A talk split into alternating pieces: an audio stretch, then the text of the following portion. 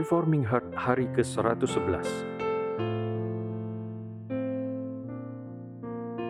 Renungan ini diambil dari website pemuda.stimi.id Tema renungan hari ini adalah Matinya Ahab Mari kita membaca Alkitab dari 1 Raja-Raja 22 ayat 1 sampai 40. Demikianlah firman Tuhan. Ahab memerangi Ramot Gilead Nabi Tuhan berhadapan dengan nabi-nabi palsu. Tiga tahun lamanya orang tinggal aman dengan tidak ada perang antara Aram dan Israel. Pada tahun yang ketiga pergilah Yusafat Raja Yehuda kepada Raja Israel. Berkatalah Raja Israel kepada pegawai-pegawainya, Tahukah kamu bahwa Ramot Gilead sebenarnya milik kita? Tetapi kita tinggal diam saja dan tidak merebutnya dari tangan Raja negeri Aram. Lalu katanya kepada Yusafat, Maukah engkau pergi bersama-sama aku untuk memerangi Ramot Gilead? Jawab Yosafat kepada Raja Israel, kita sama-sama, aku dan engkau, rakyatku dan rakyatmu, kudaku dan kudamu. Tetapi Yosafat berkata kepada Raja Israel, Baiklah tanyakan dahulu firman Tuhan. Lalu Raja Israel mengumpulkan para nabi, kira-kira 400 orang banyaknya. Kemudian bertanyalah ia kepada mereka, Apakah aku boleh pergi berperang melawan Ramot Gilead atau aku membatalkannya? Jawab mereka, majulah, Tuhan akan menyerahkannya ke dalam tangan raja.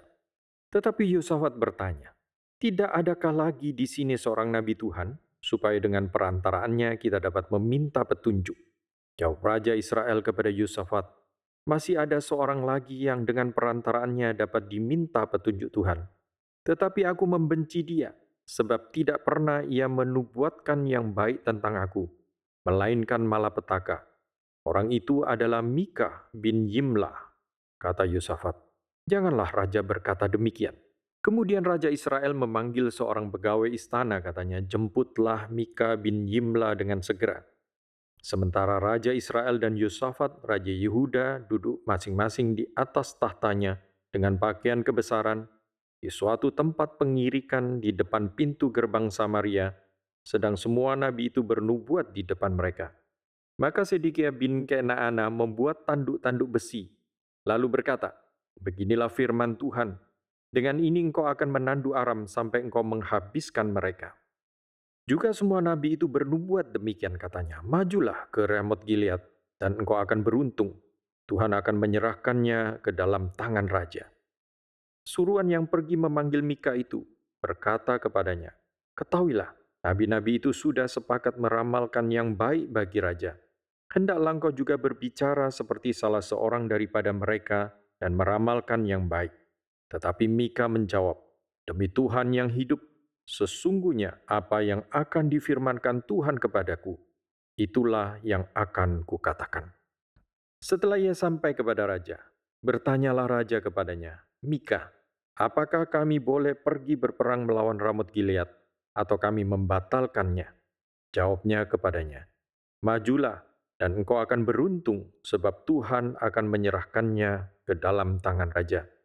Tetapi raja berkata kepadanya, Sampai berapa kali aku menyuruh engkau bersumpah supaya engkau mengatakan kepadaku, tidak lain daripada kebenaran demi nama Tuhan? Lalu jawabnya, telah kulihat seluruh Israel bercerai-berai di gunung-gunung seperti domba-domba yang tidak mempunyai gembala. Sebab itu Tuhan berfirman, mereka ini tidak punya Tuhan. Baiklah masing-masing pulang ke rumahnya dengan selamat. Kemudian Raja Israel berkata kepada Yusufat, Bukankah telah kukatakan kepadamu, tidak pernah ia menubuatkan yang baik tentang aku, melainkan hanya malapetaka. Kata Mika, sebab itu dengarkanlah firman Tuhan. Aku telah melihat Tuhan sedang duduk di atas tahtanya, dan segenap tentara surga berdiri di dekatnya, di sebelah kanannya dan di sebelah kirinya. Dan Tuhan berfirman, Siapakah yang akan membujuk Ahab untuk maju berperang, supaya ia tewas di Ramot Gilead? Maka yang seorang berkata begini, yang lain berkata begitu. Kemudian tampillah suatu roh, lalu berdiri di hadapan Tuhan, ia berkata, Aku ini akan membujuknya, Tuhan bertanya kepadanya, dengan apa? Jawabnya, aku akan keluar dan menjadi roh dusta dalam mulut semua nabinya. Ia berfirman, biarlah engkau membujuknya, dan engkau akan berhasil pula. keluarlah dan perbuatlah demikian. Karena itu sesungguhnya Tuhan telah menaruh roh dusta ke dalam mulut semua nabimu ini. Sebab Tuhan telah menetapkan untuk menimpakan malapetaka kepadamu. Sesudah itu tampillah Sedekia bin Kena Ana, ditamparnyalah pipi Mika, serta berkata, Mana boleh roh Tuhan pindah daripadaku untuk berbicara kepadamu? Tetapi Mika menjawab, Sesungguhnya engkau akan melihatnya pada hari engkau lari dari satu kamar ke kamar yang lain untuk menyembunyikan diri.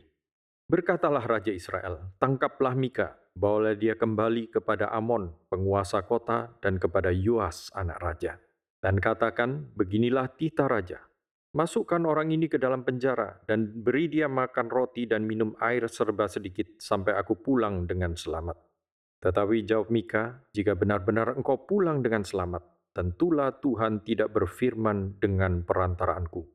Lalu disambungnya, dengarlah hai bangsa-bangsa sekalian.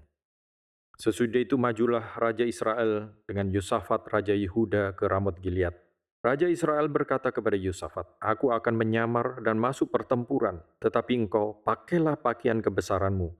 Lalu menyamarlah Raja Israel kemudian masuk ke pertempuran. Adapun Raja Negeri Aram telah memberi perintah kepada para panglima pasukan keretanya, 32 orang banyaknya, demikian. Janganlah kamu berperang melawan sembarang orang, melainkan melawan Raja Israel saja. Segera sesudah para panglima pasukan kereta itu melihat Yosafat, mereka berkata, itu pasti Raja Israel. Lalu majulah mereka menyerang dia, tetapi Yosafat berteriak. Segera sesudah para panglima pasukan kereta itu melihat bahwa dia bukan Raja Israel, maka undurlah mereka daripadanya. Tetapi seorang menarik panahnya dan menembak dengan sembarangan saja dan mengenai Raja Israel di antara sambungan baju sirahnya. Kemudian ia berkata kepada pengemudi keretanya, "Putar, bahwa aku keluar dari pertempuran, sebab aku sudah luka. Tetapi pertempuran itu bertambah seru pada hari itu dan raja tetap ditopang berdiri di dalam kereta berhadapan dengan orang Aram itu, sampai ia mati pada waktu petang. Darahnya mengalir dari rukanya ke dalam palung kereta. Kira-kira pada waktu matahari terbenam, terdengarlah teriakan di sepanjang barisan tentara itu, masing-masing ke kotanya, masing-masing ke negerinya. Raja sudah mati, maka pulanglah mereka ke Samaria, lalu mereka menguburkan raja di Samaria. Ketika kereta itu dicuci di tepi telaga Samaria, maka darah raja dijilat anjing. Sedangkan perempuan-perempuan sundal mandi di tempat itu sesuai dengan firman Tuhan yang telah diucapkannya. Selebihnya dari riwayat Ahab dan segala yang dilakukannya serta istana gading dan segala kota yang didirikannya, bukankah semua itu tertulis dalam kitab sejarah raja-raja Israel? Demikianlah Ahab mendapat perhentian bersama-sama dengan nenek moyangnya, maka Ahasia anaknya menjadi raja menggantikan dia. Mari kita merenungkan.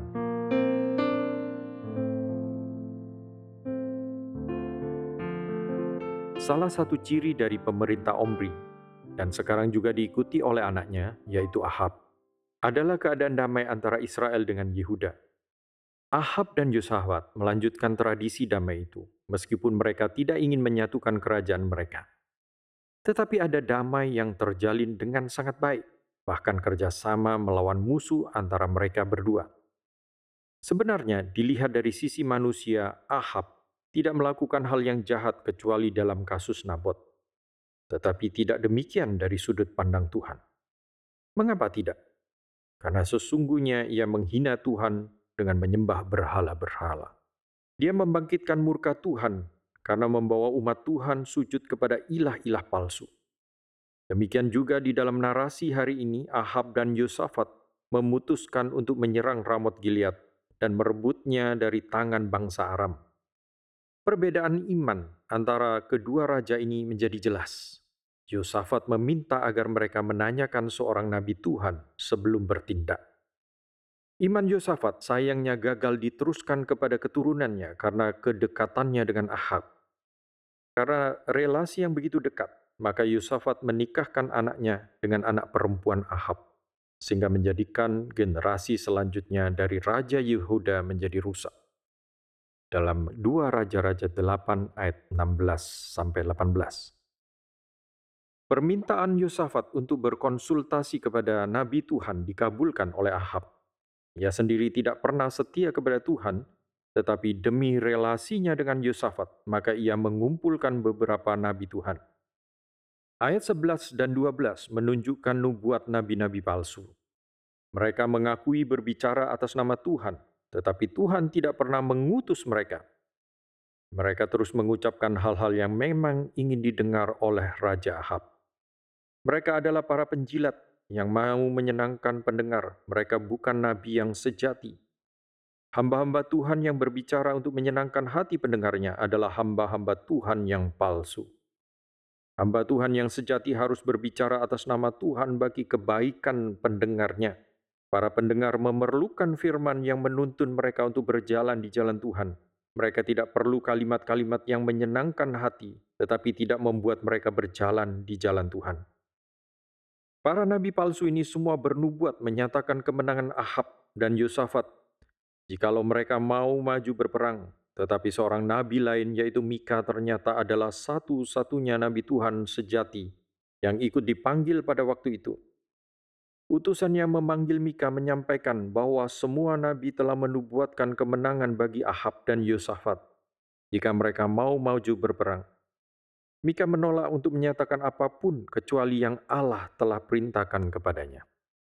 Maka Mika sesuai kehendak Tuhan akhirnya menyatakan nubuat yang menyindir para nabi palsu itu dan menubuatkan kematian Raja Ahab. Bukan saja ia menyampaikan berita yang berbeda dengan yang lain, dia juga membongkar kebohongan semua nabi yang lain itu juga. Tetapi anehnya, walaupun telah mendengar nubuat nabi sejati, baik Yosafat maupun Ahab, tetap maju berperang. Ahab menolak Nabi Tuhan adalah hal yang biasa.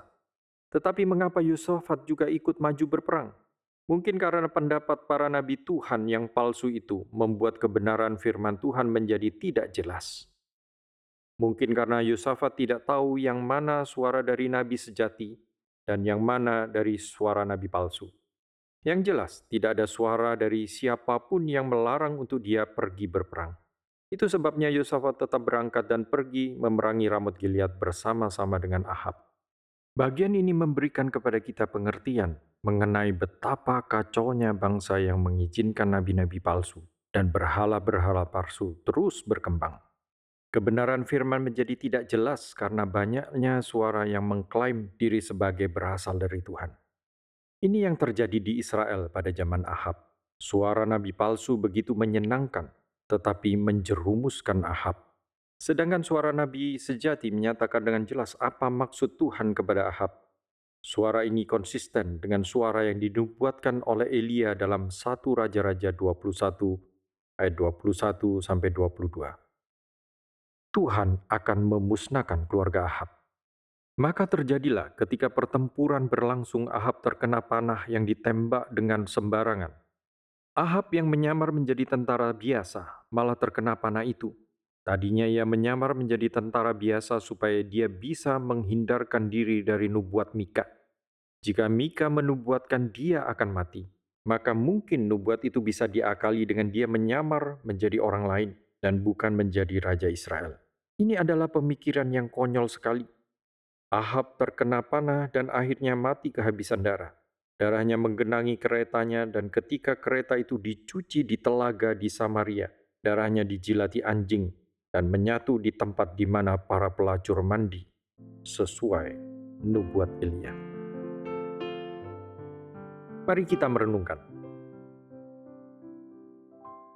Akhir hidup Ahab adalah akhir hidup dari seorang yang sangat sulit untuk digolongkan jika kita ingin menggolongkan dia sebagai raja yang jahat, maka narasi kitab ini mengisahkan bahwa di sisi lain dia masih memiliki kepolosan seperti seorang anak yang lugu. Tetapi jika kita menggolongkan dia sebagai raja yang baik, maka tindakannya menyembah berhala dan kegiatannya untuk agama-agama palsu membuat dia membatalkan cap raja baik itu. Ahab adalah raja yang menjadi korban dosa sekaligus pembuat dosa. Inilah yang dikatakan oleh Tuhan Yesus di dalam Yohanes 8 ayat 34.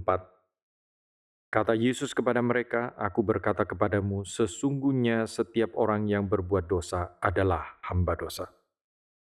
Orang yang melakukan tindakan berdosa akhirnya menjadi korban dari dosa itu, korban sekaligus penjahat. Dari sini, biarlah kita memikirkan dua hal di bawah ini. Yang pertama, Tuhan membenci dosa dan melarang kita untuk berbuat dosa. Ini adalah larangan yang Tuhan berikan karena cinta kasihnya kepada kita Ahab yang mengabaikan Tuhan sebenarnya sedang membuat dirinya menjadi korban dosa. Dia menjadi orang yang dibelenggu oleh dosa dan tidak lagi bisa menikmati relasi dengan Allah yang sejati karena terikat dengan para berhala palsu. Siapa yang terikat dengan dosa adalah orang yang sangat kasihan. Hidup kemanusiaannya menjadi rusak dan tidak jelas karena manusia sejati adalah dia yang menyatakan gambaran kemuliaan Allah. Oleh sebab itu, biarlah dengan pengertian ini kita menguatkan diri kita terhadap tawaran dosa. Jangan tergiur olehnya. Jangan juga datang untuk melihat dari dekat. Biarlah kita lari menjauh karena kita tahu bahwa dosa telah siap untuk menelan kita. Begitu kita ditelan, maka pertama-tama kepekaan kita terhadap dosa akan semakin tumpul. Kita semakin tidak bisa membedakan mana yang pantas dan mana yang tidak.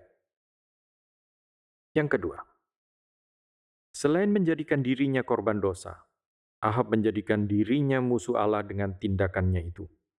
Begitu besar murka Allah kepada dia, sehingga Allah memberikan akhir hidup yang sangat menghina wibawa Ahab sebagai raja. Ahab bertanggung jawab sebagai raja umat Tuhan untuk membawa umat Tuhan tunduk kepada Tuhan, dan dia gagal menjalankannya. Pendosa bukan hanya korban dosa, tetapi juga setru Allah. Ini jugalah yang harus kita ingat untuk semakin menjauhkan diri dari dosa. Siapa yang berbuat dosa, dia menjadikan Allah seterunya. Mengapa demikian? Karena setiap kita adalah ciptaan Allah yang seharusnya menyembah Sang Pencipta. Dosa membuat kita mengabaikan Dia dan menganggap Dia tidak ada. Dosa membuat kita sujud kepada hal-hal yang lain ini semua membangkitkan murka Tuhan. Bagaimana dengan hidup kita? Adakah kita mengabaikan kedaulatan Allah di dalam seluruh aspek hidup? Kedaulatan Allah bukanlah tema doktrin untuk dijadikan seminar, dibahas, diperdebatkan, dan dijadikan tulisan akademik. Kedaulatan Allah adalah pengertian yang harus mengubah cara hidup kita dengan memberikan segala kuasa dan otoritas kepada Allah bukan kepada diri kita sendiri. Tetapi dosa membuat manusia sujud kepada segala tindakan yang Tuhan benci. Kiranya Tuhan mengasihani kita dan memberikan kita kekuatan untuk berpaut kepada Dia dengan setia.